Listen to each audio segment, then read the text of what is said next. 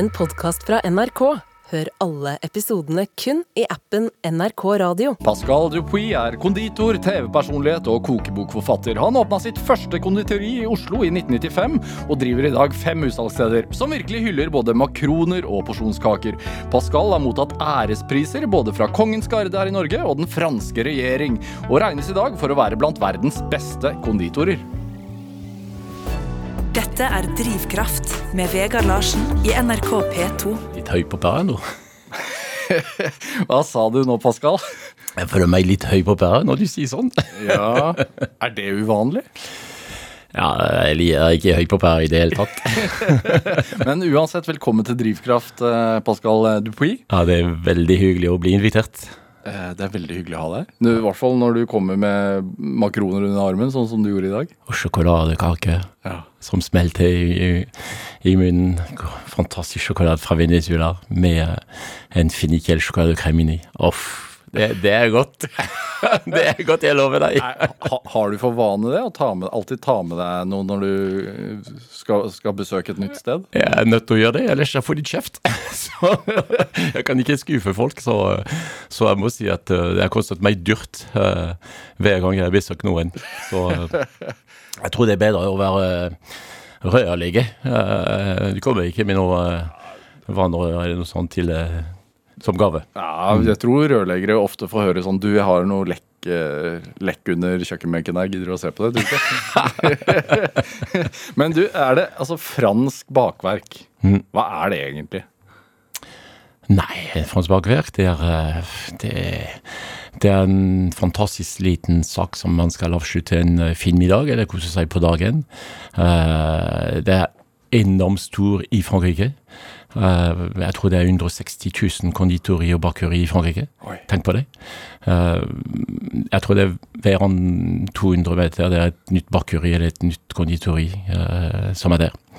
Så uh, franskmenn spiser veldig mye kake. Hvorfor er det sånn? Har du, vet du noe om det? Det er tradisjon, jeg vet ikke hvor det kommer fra. Kanskje det er pga. at folk øh, bakte kake hjemme, akkurat som min mor. Øh, Tre til fire kaker hver til neste dag. Folk tror ikke på det, men det er sant.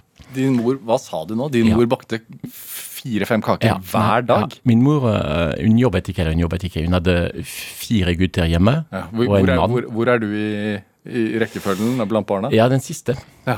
Jeg, den siste, jeg var den siste forsøk til å bli en jente, og, og jeg blir en gutt, så det var litt skuffende for min far, men jeg ser ut øh, akkurat som min far, som øh, folk sier. Jeg smiler mye og tuller og, og sånn. Men, men min mor lagde tre til fire kaker hver eneste dag, fordi klokka, vi gikk på skole om morgenen, og så i Frankrike det på oss to timer. Så kom vi hjem, Ja. og da var det en fireetasjes middag med kake. Og så gikk vi på skole igjen, og kom vi hjem klokka fire-fem på dagen. Og da hadde vi kake før vi gikk på friidrettsstadion. Og da var det trening i to timer, og så vi kom hjem, og da var det en fireters middag. Og hvis det var etterpå vi så litt på TV, og hvis det var rest av kake, så det var litt kake foran TV. Hver dag? Hver dag. Men I du vet, verden. det er fantastisk, fordi vi dyrket grønnsaker og, Hvor, og, og hvor i. Frankrike er vi? Vi er i, midt i Frankrike, i Loirdalen, i Tours, Ja. hvor det er alle de gamle slott. Eh, Kjent for Sancerre, og- Sancerre, Vouvray. Fantastisk. Det er det. Og så unndyrket dyrket om, eh, om sommer og høst. Hermisert frukt. Uh, og så vi spist disse frukter Ja. i kake hele tiden. klassisk fransk sånn uh, murvilla, eller hvordan Nei, det er oppvokst ved siden av en uh, autobahn. Jeg må si det. Det var helt forferdelig. mye lyd. Uh, min foreldre hadde ikke så mye penger, så, eh, og de turte ikke å, å flytte, kanskje. Men fire retters middag og kaker hver dag? Men hver dag. Hver dag. Og det var hjemmelaget. Ja. Hvorfor gjorde hun dette her? Nei, det, det var sånn det var på den gamle tiden, sannsynligvis. At eh, kvinner jobbet ikke, og, og mann var på jobb. Ja. Så, og så, jeg tror at uh, å bli konditor, jeg, jeg fikk den da jeg var liten, fordi eh, da hun laget disse kakene, hun ga meg bestandig en liten stykke deig til å leke med, med en liten formue. Ja. En tom flaske vin, som jeg bruker som skjelve. eh, skjelv, eh, hva er det sånn? Skjevle? Skjevle. Eh, og da laget jeg min egen kake. Ja. Og det tror jeg det kommer der. Hvilken Hvilken favorittkake hadde du som moren din lagde? Ja, det er, eh, det er flere, men det er ofte de underlagt sånn terter med stekte jordbær. Du skal ikke steke jordbær, men det, det, det, er så godt, fordi å, å spise en rå jordbær, det er frisk, ikke sant, med å stekke en jordbær i ovnen, det gjør at det blir en, mellom en syltetøy og en frisk jordbær. Og, så, det, og det gir saft i Det, det, det er ubeskrivelig. Su sukkerglasert, ja, ja. eller? ja, det, det, det Jeg vet ikke hvordan jeg skal forklare, men, det, men eh, jeg lover deg, det er veldig godt. Og eh, det er synd at vi var fire gutter, fordi jeg skulle gjerne ha vært alene til å spise kake helt alene. Dette er Drivkraft med Vegard Larsen i NRK P2. Og i dag er konditor Pascal eh, Dupuy her hos meg i Drivkraft på NRK P2. Det med oppveksten din i, i Frankrike, hva drev faren din med, da? Han eh, egentlig ønsket å, å være kokk, eh, men han fikk aldri lov av sine foreldre. Eh, og foreldre drev en gård, og de sa at du skal jobbe med oss på den gård. Eh, han jobbet eh, ikke på den gård, han eh, var selger.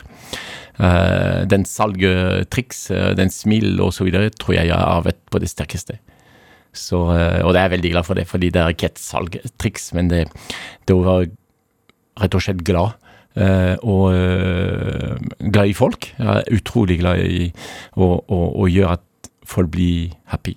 At folk smiler. Det er, hvorfor, Hvorfor, det, er- det er stor drivkraft for meg. Det, det, hvis, du, du har den, den drivkraftradioen der, men det, det er det for meg. Det er å, å lage noe og, og få folk å bli glad. Ja. Det gjør meg så mye i kroppen, rett og slett. Og det, det er fra, fra, fra start. Sånn er det. Ja.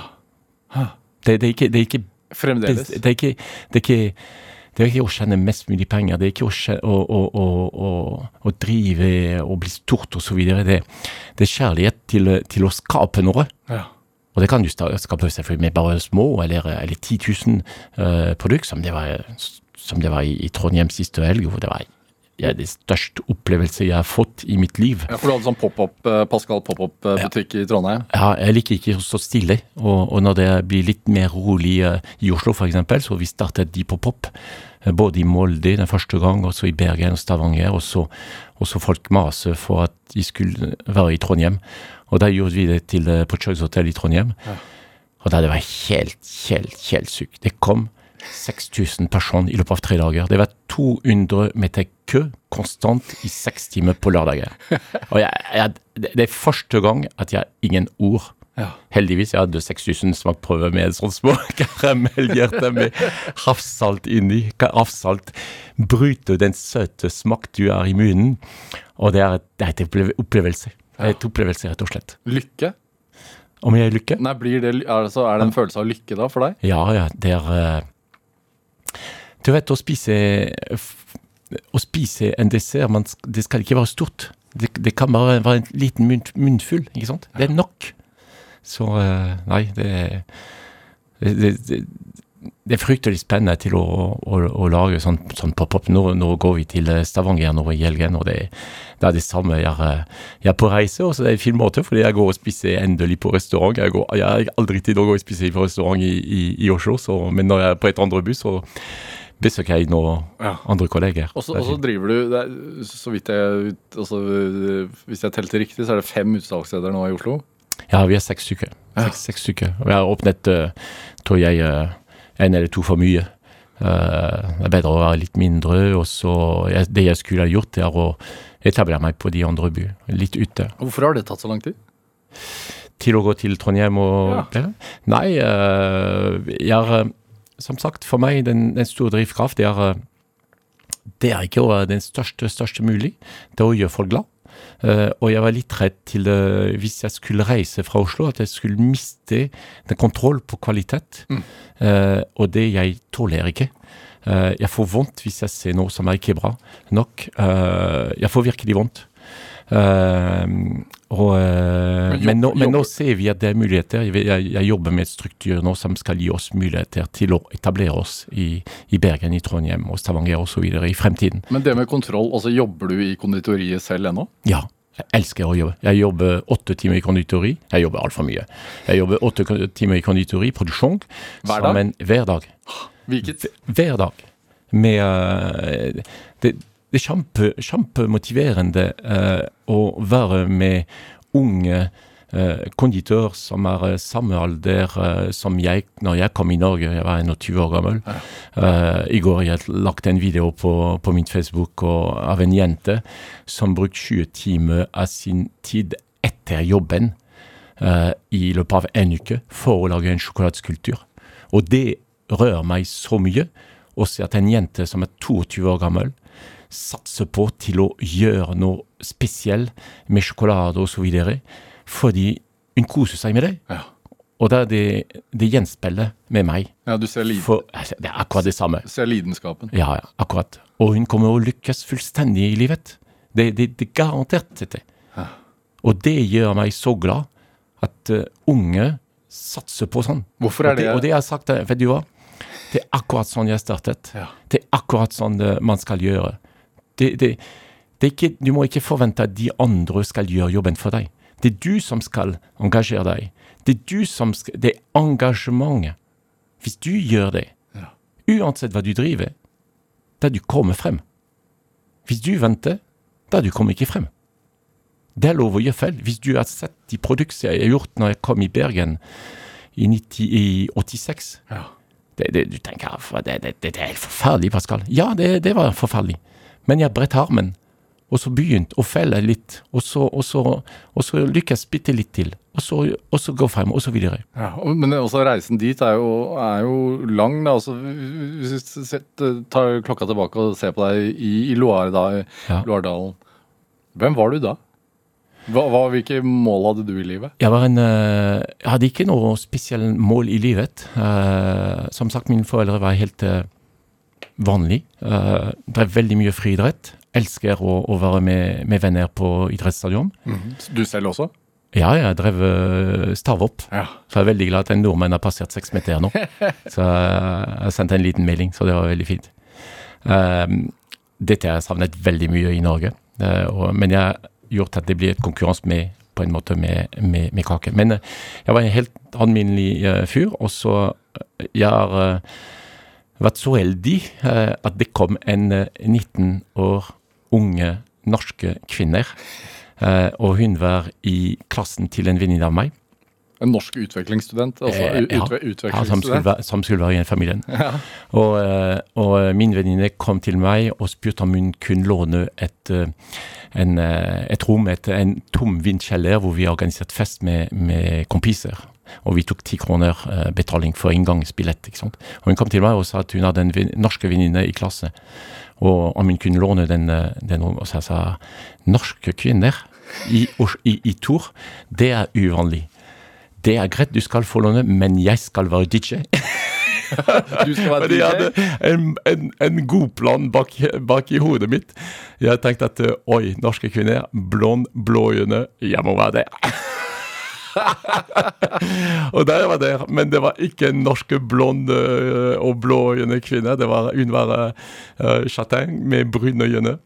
Og jeg var DJ, og jeg lurte på hvordan jeg skal flørte med hun, ikke sånn? Så da satt jeg på breakdance og laget sånn move på dansegulvet, og, og falt som jeg, jeg var sånn, falt på gulvet og begynte å blødde i ansiktet, og den norske kvinnen som hadde en gips på benet fordi hun skadet seg på judo, vi, vi fant hverandre med en gang. Så det er fantastisk. Og så jeg har gjort en ting til til å imponere hun, i, i tillegg til breakdance, at jeg skulle starte uh, pace. Du skulle starte hva? Eh, pace, og, og, og fyre i en pace. Ja. Og da jeg tenkte jeg dette må gå raskt, så jeg gikk rundt en uh, liten dunk med bensin. og da, det, da hun ble ikke imponert. Da. Nei. Ja, ja. Men, eh, men eh, det var fantastisk, fordi da eh, hun uh, reiste Vi ble dypt forelsket. Hun reiste tilbake i, i Bergen for å studere. ja, for hun var fra Bergen. Nei, hun er fra Molde. Ah, ja. Eh, og jeg var i Frankrike, og eh, vi traff hverandre når det var ferie, og gjort masse morsom og reise og så videre. Og så i resten av året, hver tirsdag, hun satt, hun, hun gikk til en eh, telefonkiosk i sentralstasjonen i Bergen Ja. Klokka 7.00, og jeg fant en rød telefonkiosk i Tour, i min by. Jeg hadde en håndfull, eh, håndfull med fem franske franc, og vi ringte hverandre presis klokka 7.00 Hver tirsdag. hver tirsdag. Det kostet forferdelig dyrt for en, eh, en som kjente nesten ingen penger ikke sant, på den tiden. Og så hver tirsdag vi ringte, og så det var omtrent ett minutt, og hver, etter, etter eh, 50 sekunder jeg sa jeg, jeg, jeg elsker deg, jeg elsker deg. Vi, vi snakkes nest, neste tirsdag. og sånn har det vært i to år. Og etter to år hun sa ok, det er nok, vi, vi kan ikke fortsette sånn. Enten du kommer hit, Ja. enten du, du vi, vi slutter. Jeg var ikke mer konditor i Frankrike. Nei. Uh, jeg jobbet som lærling uh, når, når jeg var uh, i Tour, når jeg var f f 16 til 18, På et kjøkken? eller? på et fantastisk konditori. men det var gammel, gammel eh, skole, som man kan si det sånn, at eh, du fikk ikke lov å skrive oppskrift, du fikk ikke lov å lage nesten kake. Du var lært for å sånn som hjelpemidler, hvis jeg kan si det sånn. Eh, du var her for å vaske. eh, det var ikke noen vaskemaskin, vi vasket alt med hånd og skrubbe videre. Ja. Men jeg så veldig mye. Så det betyr én ting. Du begynte på bunnen, på en måte? Du begynte på bunnen, ja. Og det betyr én ting. Husk at du lærer like mye når du ser hvordan ting er laget, enn når du praktiserer. Hvis du konsentrerer deg og ser hvordan det er gjort, du lærer like mye. Ja. Og det er det jeg sier til alle som kommer hos meg. Så er det. Og så jobbet jeg også en idiot etterpå. Det var uh, ett år, jeg trengte penger, og der flyttet jeg ikke. Uh, og han gjort meg kvalm, jeg sluttet med jobben fordi det var, eh, det var så skitten. Vi gjorde eggekrem med surmelk, og det var uh, pussekatt og rotter og uh, kakerlakk overalt i kjøkkenet. Jeg smakte ikke en ting. Og min store drøm om å være konditør ble knust, Ja. og da sluttet jeg. Og i to år jeg uh, kjører en sånn varebil hvor jeg leverte småpakker i byen uh, om morgenen, og på dagen uh, jeg, jeg rengjører en idrettsanlegg Ja, i Tor. Ja. I Tor. Og der flyttet jeg jo i, i, i Bergen. ja. Og Hva, hvilke forventninger hadde du da? ja, jeg, jeg hadde ikke, ikke noe spesiell forventning. Berit fant et jobb for meg. Hun gikk til Hotell Norge, fikk ikke jobb. Gikk til Stadshotell på Brygge i Bergen og fikk jobb for meg. Pa, du, og Da pratet du bare fransk? Bare fransk. Heldigvis det var en fransk uh, souschef som var der. Uh, en kokk. Og så min første dag var en av de største opplevelser jeg hadde. Jeg må ikke prate for mye, fordi jeg blir litt rørt nå, ikke sant. Men, eh, men eh, jeg har lært så mye den dagen, fordi eh, jeg kom, og så spurte hun som var særlig i konditori, hva skal jeg gjøre? Og hun sier, ja, du gjør hva du vil. Det spiller ingen rolle for meg. Du make some cakes. Da er du hjertelig velkommen når det er sånn, i stedet å, å åpne armene det er hyggelig og sånn. Så jeg, det var enormt mye sjalusi. Ja. Og da, den første dag, jeg laget én kake som jeg hadde drømt å gjøre når jeg var lærling, Ja. men jeg fikk aldri prøve. Hva slags kake? Det var en uh, charlotte, uh, sjokolade charlotte med pærestykke. Det er sånn slags sjokolademousse med pærestykke. Men den kaken tok jeg fem timer til å lage. Og laget jeg litt sånn frukttartelett med jordbær og bringebær og så videre ved siden. Og tenkte jeg, herregud, fem timer fra å lage en kake, Pascal. Han svenske kjøkkensjef Tommy Ruggen kommer og kaster deg ute. Han kommer og sier, du er ikke konditør, du. Men vet du hva, han kom bak meg og ga meg den, en av de største komplimentene. Han klappet på, på skulder og, eh, og sa at Pascal, tartelett, det var flott, det var godt. Du skal lage mange av disse. I stedet å tråkke meg nede, ikke sant? som jeg var vant. Ja. Ikke sant? Jeg blir tråkket, tråkket nede i Frankrike. Men han løftet meg, og da per i dag jeg bruker dette fortsatt. Ja. Og det er et fantastisk uh, velkomst. Snudde Og da, det? og, da, og da jobbet jeg som en gærning for han. Jeg har gjort alt Ja. til at han blir fornøyd og stolt at han hadde meg i kjøkken. Jeg var ikke flink i det hele tatt, men jeg, der begynte jeg. Tenker du fremdeles på de ordene? Ja, ja, ja. Og jeg nevner det ofte. Fordi jeg tar imot veldig ofte eh, skoleelever fra Frankrike, sånn Erasmus. Ja. Jeg hadde en uh, sist for uh, to-tre uker siden som sendte meg en fantastisk uh, mail etter han hadde vært hos meg i tre uker. Han sa Pascal, jeg må bare takke deg for de tre uker der. Du ga meg lyst å fortsette i den yrket som jeg hadde egentlig bestemt å slutte. Mm. Så jeg sa du må ikke bare tenke du er kanskje på feil sted. Det er ikke du som er feil. Hvis du er motivert, Ja. og hvis du viser engasjement, du kommer å åpne dø- du kommer å ha døren som skal åpne seg. Hvis, hvis eh, denne kjøkkensjefen, hva het han, Tommy? Tommy Ryggen. Ja, hvis, han, hvis han ikke hadde sett deg og, og gitt deg kompliment og sagt du skal lage mange av disse, hadde du sittet der i dag da, tror du? Ja, det, det tror jeg, fordi det forandrer ikke meg. Eh, det forandrer ikke meg som den eh, lyst å lage eh, noe godt, lyst til å gjøre meg fornøyd, til å gjøre de andre fornøyd. Der jeg sier bestandig til en ung konditor som jobber hos meg, lag produktet akkurat som din mor skulle kjøpe den. da hvis du gjør det sånn, du feiler aldri. Respekter deg selv da du respekterer andre. Det er så enkelt som det. Hvor lang tid bruker du på den kaken i dag? Åh, det, det går veldig fort, det må jeg si. Du får masse erfaring. Du, du, du lærer eh, å felle, du lærer å bli flinkere. Det- Jeg er en person som eh, hater å ha det komplisert. Og, eh, og når jeg ser at eh, en ting tar eh, for lang tid og unødvendig tid, prøver jeg bestandig å finne en, en ny teknikk. Og, og, og det er det som er spennende og, med jobben. Ja. Så uh, jeg har masse unge konditorer som kommer og sa det. De, de sier men dette er fantastisk, det, det du har funnet det og ditt og datt. ikke sant? Fordi det, det er ikke at det, ikke at det blir bedre enn noen andre flinke konditorer. Men det er eh, en, en lettere måte å jobbe, men som kan skape et superbra resultat. Ja. Men det, altså når jeg ser på bakverkene dine, altså på, på, på kakene dine, så tenker jeg at dette er meget komplisert. Nei, dette er ikke komplisert. Dette er ikke komplisert, og det skal ikke være komplisert. Eh, jeg ser veldig ofte andre konditorer som eh, i en kake de har to forskjellige typer kakebunn. En, eh, to forskjellige typer uh, mos, en type uh, gelé inn, inni seg. Det som er problemet, er når du har så mange variasjoner i en kake, når du tar den første skje, du vet ikke hva som skjer i munnen, du, du, du vet ikke hvor du er. Jeg liker å ha det tydelig. Jeg har en smak og et andre smak. En, en sjokolademousse eksempel, og en smak inn. Ferdig med det. Hvis det skal smake fennikel, da du ser tydelig at det smaker fennikel. Hvis det skal smake sitron, det skal være tydelig sitron og syrlig. Hvis du skal ha uh, bringebær, det skal være både søtt og syrlig, sånn, osv. videre. Hvor, hvor, viktig, hvor viktig er nøyaktighet, da? Veldig viktig. Ja. Du skal ikke, uh, du skal ikke jukse.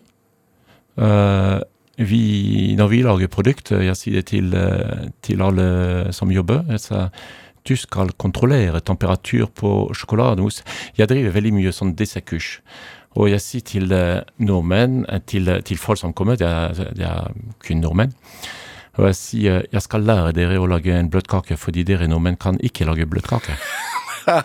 Og da alle ler som meg, akkurat som du gjør. Ja, du er litt høy på pæra, Ja. Ja, jeg er litt høy på pæra, men dere kan lage bløtkake. Men vi kan, jeg kan hjelpe dere å lage bedre bløtkake. Ok, Og hva er hemmeligheten? Hva er hemmeligheten? Det er, det er- er temperatur og hvordan man pisker kremet. Hvordan pisker, er- vi, hvordan pisker vi krem feil? Altfor mye. Altfor mye. Du skal, min, krem er rett og slett flytende. Har du smakt en krem som er pisket opp stiv, Ja. som gjør min uh, fantastisk svingemor? Jeg sier ikke hemmelighet til hun. Med kake som hun skal glede seg til. Og hvis du tar en krem som du pisker lite, ta en skje hver og bare smak. Du er en som bare smelter i munnen. Den andre, du får, du får en klump i munnen som du får masse fett i munnen, og som du må svelge, og du må drikke et glass vann etterpå. Ja, det er vanskelig å lage en bløtkake med et så rennende krem, Ja. men du skal ha et sånt tilleggsprodukte. Dere må lytte veldig nøye det jeg sier nå.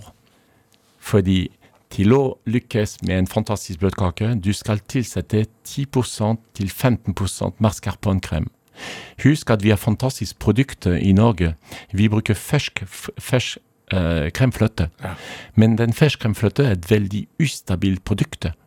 Hvis du pisker krem og lar den i kjøleskap, etter en halvtime, den har gitt seg væske. Men hvis du tilsetter bitte litt mascarpone, som er en fett ost, Ja. da du kan komme å få en krem som holder seg i tiden. Prøv det hjemme, og du kommer å takke meg så enormt mye. Jeg er nå kongen til bløtkake i Norge. Pascal, du, hvor mye har du stått på, altså sånn fra tidlig av, stått på kjøkkenet og, og eksperimentert? Vel, ja, vet du hva, jeg eksperimenterer ikke så mye. Jeg eksperimenterer i hodet mitt, og prøver å kombinere smak i hodet mitt, og kjører jeg nesten direkte på sak. Ha. Det er veldig rart, men jeg klarer å, å, å, å- blande de, de, de smak som jeg ønsker Ja. i hodet, så at eh, dette kommer å fungere. Er det noen av dine mors kaker som er på menyen? Mm, det var. Eh, det var, eh, Vi har ikke laget den for lenge. eller Jeg arver noe fra min mor som er, eller, som er fantastisk. At, eh, på grunn av at det var en familie som hadde ikke så stor økonomi, fordi pappa jobbet og mor jobbet ikke. Men hun kastet aldri, aldri noe.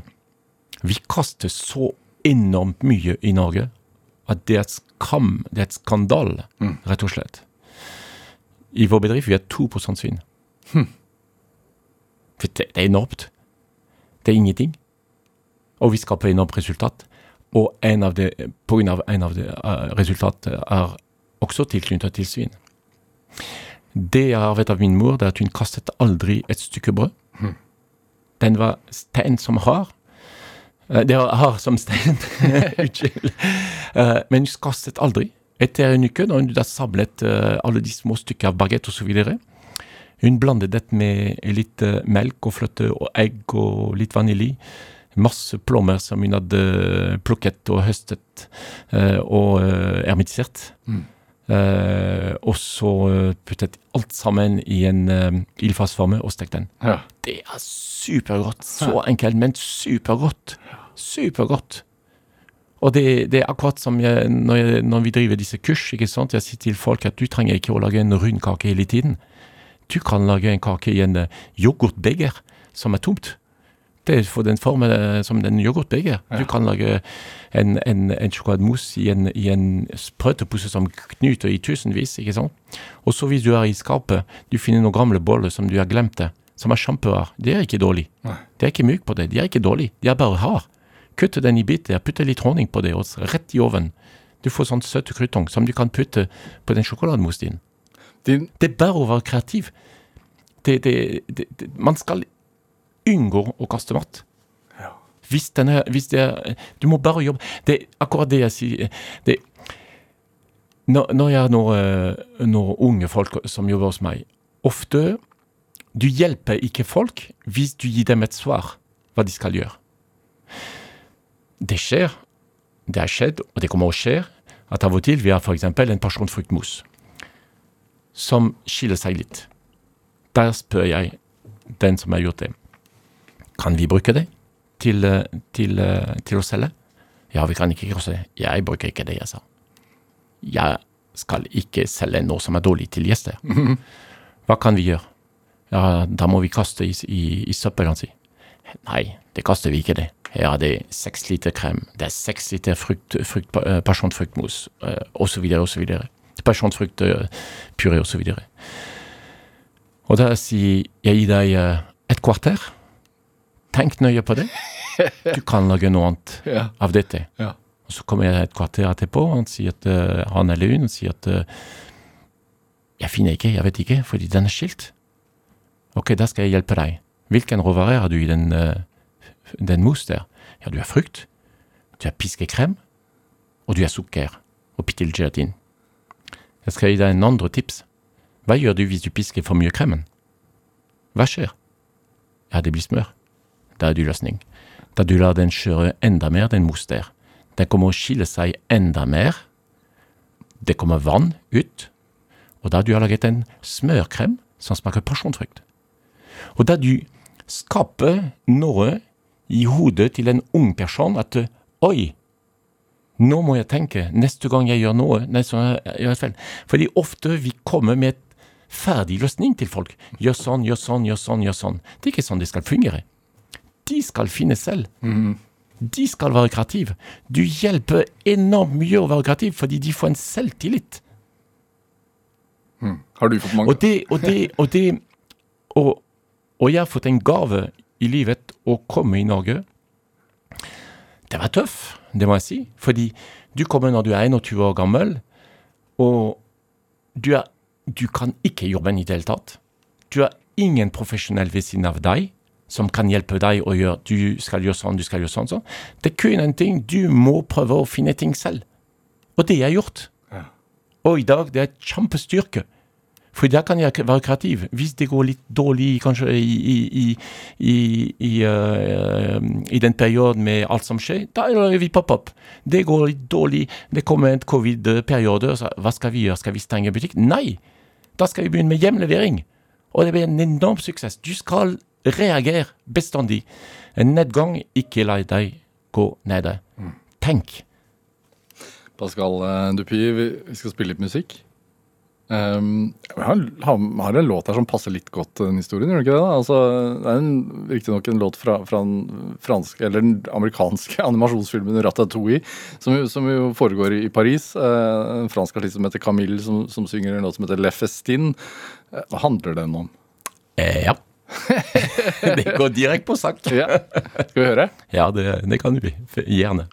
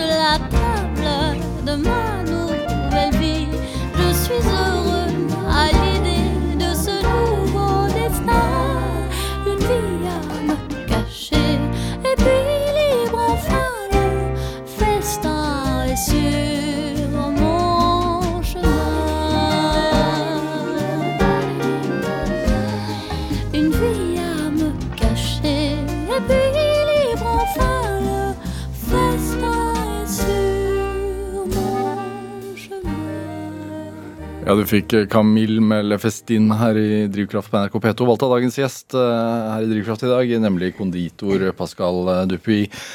Det, altså, du forlot jo Frankrike eh, da du var sånn i starten av 20-årene. 21 år gammel. Ja. Det er ung. Og, og bodd her siden. Som mer eller mindre. Ja, Jeg har bodd der siden jeg fikk, jeg fikk min første middag av den norske student. Hun åpnet en hermetisert boks med hvite gummiboller og lurte på hva hva det i halv verden jeg, jeg som kommer fra mammaen min med fireretters middag, og da fikk vi fiskeboller. For et nedtur! Men da var det gjort, si. Ja, da var det gjort. Men, men jeg måtte bare akseptere. Jeg var så dypt forelsket, og jeg fortsetter å være forelsket. Er det Men det at du ikke har, altså, dere ikke har reist eh, til Frankrike igjen, men og så har du gjort karriere i Norge med å ta med deg en bit av Frankrike hit. Ja, samme. Hvor Er det et savn noen gang Savne med Frankrike. til hjemlandet? Ja. Du savner det du forlot, ja. men når jeg går i Frankrike per i dag, eh, jeg er veldig glad å komme tilbake i Norge. Hvorfor det? Frankrike er blitt eh, veldig rart, syns jeg.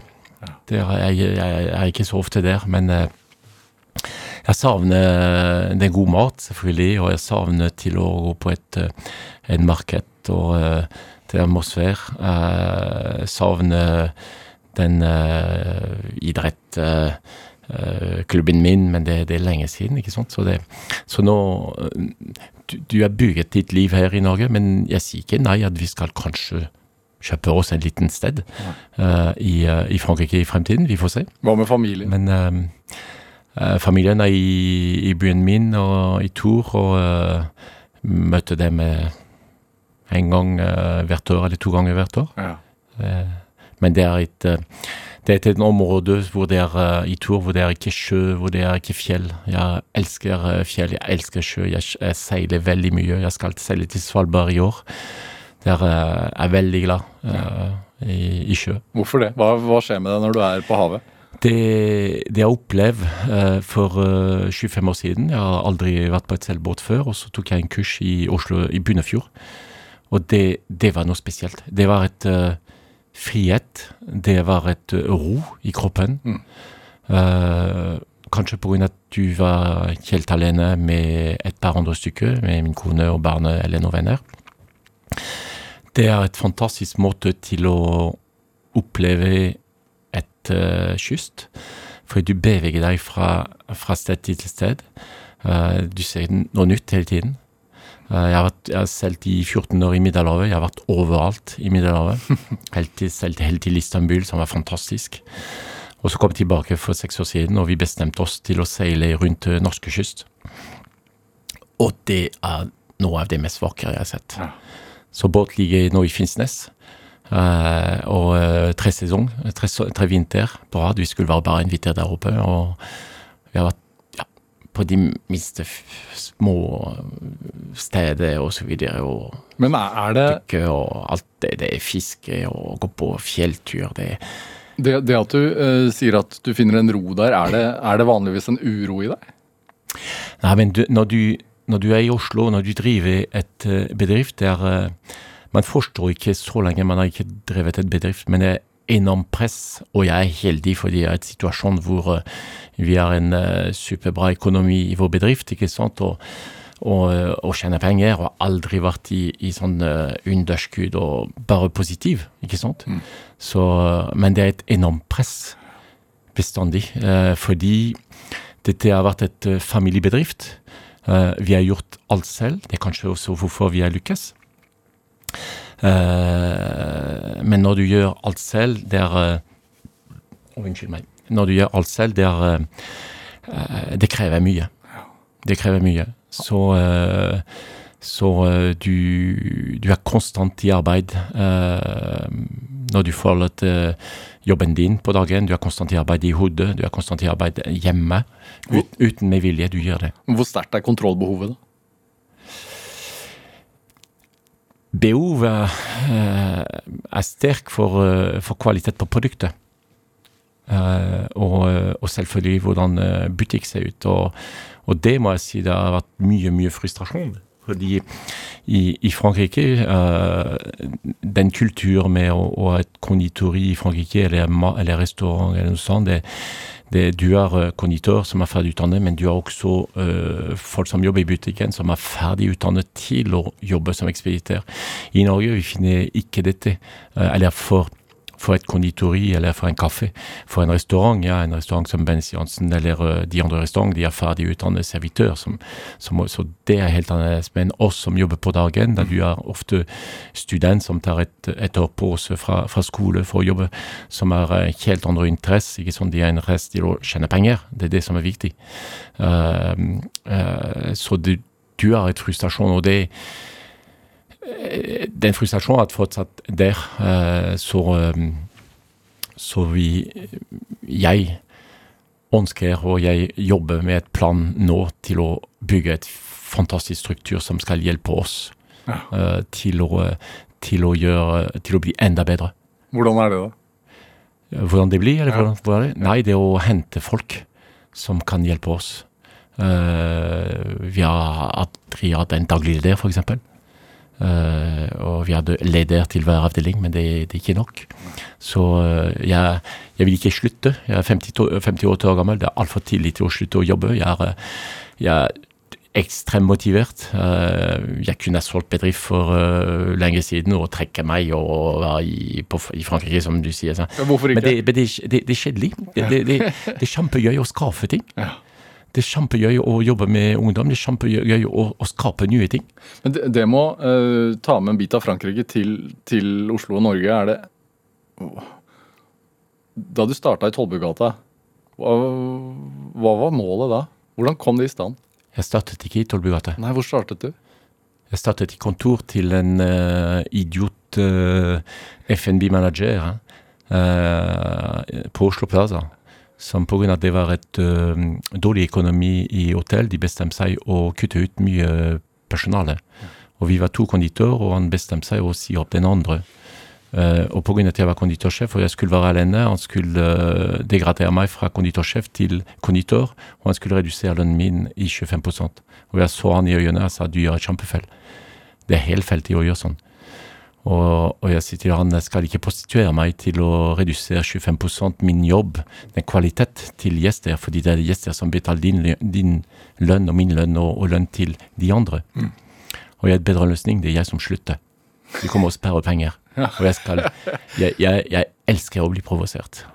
Elsker det. Hvorfor det? Det gir meg en kick. Du aner ikke. Hæ? Det gir meg en kick til å, til å vise frem. Så når noen sier det, det, Nå, får, det, får, du ikke til, Pascal, eller det, det kan du ikke gjøre? Ja, da, da, da gjør jeg alltid få det til. og da jeg ser han i øynene og sier jeg skal vise deg du, at man kan tjene penger ved å starte konditori. Så konkurransemannen i deg? Ja, jeg elsker det. Du vet, det har vært konkurranse hele, hele tiden. Jeg elsker å, å, å, gjøre konkurranse. Det er vi var på VM til konditor med min venn Lars Lian, og nå er det friidrett. Det var konkurranse hele tiden. ikke sant? Men, men, men, men, det å åpne da, da sitt første utsalg nede i Nei, fordi jeg startet i Maridalsveien 33 oh, ja. med et bord som var to meter lang, en liten uh, kitchenhead og fire kakeformer. Og begynne å selge til hotell og restauranter. En, en, en anekdote er at jeg skulle selge til Ben Stiansen. Han var, han var kjøkkensjef på på Olmenkollen. Ja. Og han sa Pascal, eh, det er fantastisk de produkter du kommer med, men de er for dyrt. Det koster 17 kroner. Men Hvordan gjorde du det? Ringte du rundt og sa sånn, se på dette her? Ja, ja, ringte ut. Alle var interessert, og alle sa ja, vi er interessert, vi vil eh, kjøpe, men ingen kjøper. Og så vi ser frem til Bent i kontor, han var med sin, sin konditorsjef, sin uh, souschef osv., og, og han sa nei, det, det, er flott, det smaker superbra, men det, det, det Nei, nei, Pascal, det beklager. Og så i tilfeldighet kom direktør til hotellet. Og han tok meg ved siden. Han sa dette er superbra, jeg vil ha det på meny. Når kan du levere? I morgen. Hele meny. På, på, på, på bankettmeny. Og da startet vi. Ja. Og da i to år solgte jeg kake til hotell og restaurant. Så på, på dette kjøkkenbordet med ja. KitchenAid og fire kakeformer, ja, hvor, fra den ene dagen til den andre, hvor mange kaker måtte du produsere? Jeg vet ikke hvor mange, men jeg husker første omsetning var det 720 000 kroner den første år. Så du deler det på 17, og du får antall kaker jeg har laget alene. Jeg måtte være, jeg måtte være konditor, markedsføring, leve, uh, sjåfør, ja. uh, regnskap. Jeg, har gjort alt. Hadde dere fått barn da?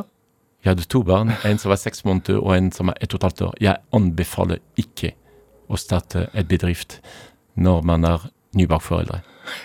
Sov ja, du? Når, når, sov du? Den sto her til min kone. Ja. som passer på uh, de to jenter. Ja. Men uh, jeg har ikke sett uh, barnet vokse, og det, og det er litt vondt. Ja. Uh, I begynnelsen er jeg- veldig glad i dem, og de er veldig glad i meg. Uh, så nå er jeg blitt bestefar, så jeg lover deg, jeg skal ta det tilbake til deg. En liten gutt, Jonas, så jeg gleder meg. Men, men. Så, så eh, fant jeg den gamle lokalet i Tollbugata. Tilfeldighet, en liten annonse. Hva slags område var dette i Oslo da? det var i Tollbugata. Det var det verste lugubre området som finnes. Uh, og det er en fantastisk konditori som er verneverdig med, med uh, gammelt treverk og, og uh, glasstak og eh, et frest som er 20 meter lang med masse sånne små barn som er helt naken, som baker kake videre. Det er helt, helt, helt nydelig. Hvis du har ikke vært der, du må ta deg en tur. Ja, den er fra 1895, og jeg var det eneste som aksepterer å overta den konditori. Eneste baker og konditor i hele Oslo og Akershus. Og alle tro- trodde jeg var klingeren til, å ta til å overta dette. Hvorfor trodde Men du jeg så det muligheter. Ja. Jeg sa jeg har ikke penger til å starte på Karl Johan. Og da startet vi og sa at ok, det er kun en ting man må gjøre. Vi må få pressedekning, vi må få journalister å skrive om det. Hvordan gjorde du det, da? Jeg ringte.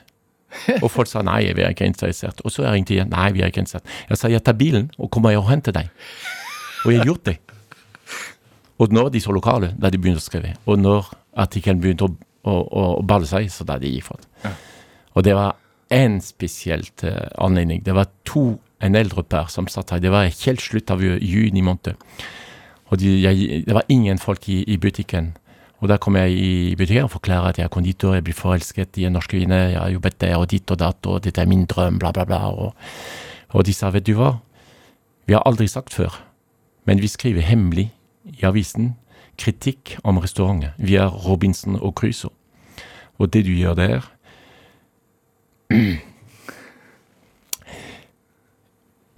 Det du gjør der, det er veldig viktig. Det må du stå på. Fordi Oslo trenger sånne småsteder. Og det er vel, veldig fint. Ja. Og da kom en dobbelsider i artikkel dagen etter, og kom 30 meter kø. og da var vi i gang. Hvor, hvor, jeg, ser jo at du blir rørt når du Ja, snakker. ja, hvor, hvorfor blir du det? Um, jeg vet ikke. Det, du får en kompliment. Og det er fantastisk, fordi du, du har gjort noe som, eh, som rører folk. Engasjement. Og etter hvert så kom den amerikanske presidenten innom og Etter hvert det kom en fantastisk dame som var eh, 30-35 år gammel, blond, helt nydelig, og spurte etter meg. Eh, Dette var et ett år etter vi åpnet, og hun spurte meg om jeg kunne organisere en liten dessertkurs fordi hun skulle gå ut med venninner og finne noe, så jeg sa ja. Og eh, vi lager en liten dessertkurs og to timer, og hun spurte meg hva skulle jeg betale for det. Jeg sa ja, ingenting. Jo, jo, du har brukt tiden. Jeg sa ingenting, jeg har koset meg med dere, det er fantastisk, det er ikke penger som gjelder hele tiden. Og hun sier, det var seks dager før påske, hun sier, hva er det, disse påskeegg, hva er det? Ikke sant? Ja, det er tradisjon vi har i, i Frankrike, det er laget av sjokolade, sjokoladepåskeegg, ikke sant? Jeg skal snakke med mannen min om det. Jeg skjønte ingenting. Og så dagen etter kom en sekretær, sekretær til eh, Martin Trosset, som er direktør til eh, Christian Ringnes, som kjøpte for 10 000 kroner i påske. Altså, dette var lønnsomt, å, å, å, gi en den gratis eh, eh, kurs. Ja. Så hun gikk, og jeg skal sende deg en faks, hun sa. To timer etterpå kom en fakse for en bestilling for 150 000 kroner. 250 påskeegg og, og konfekteske videre. Ja. Det er helt fantastisk. For å være snill en kveld.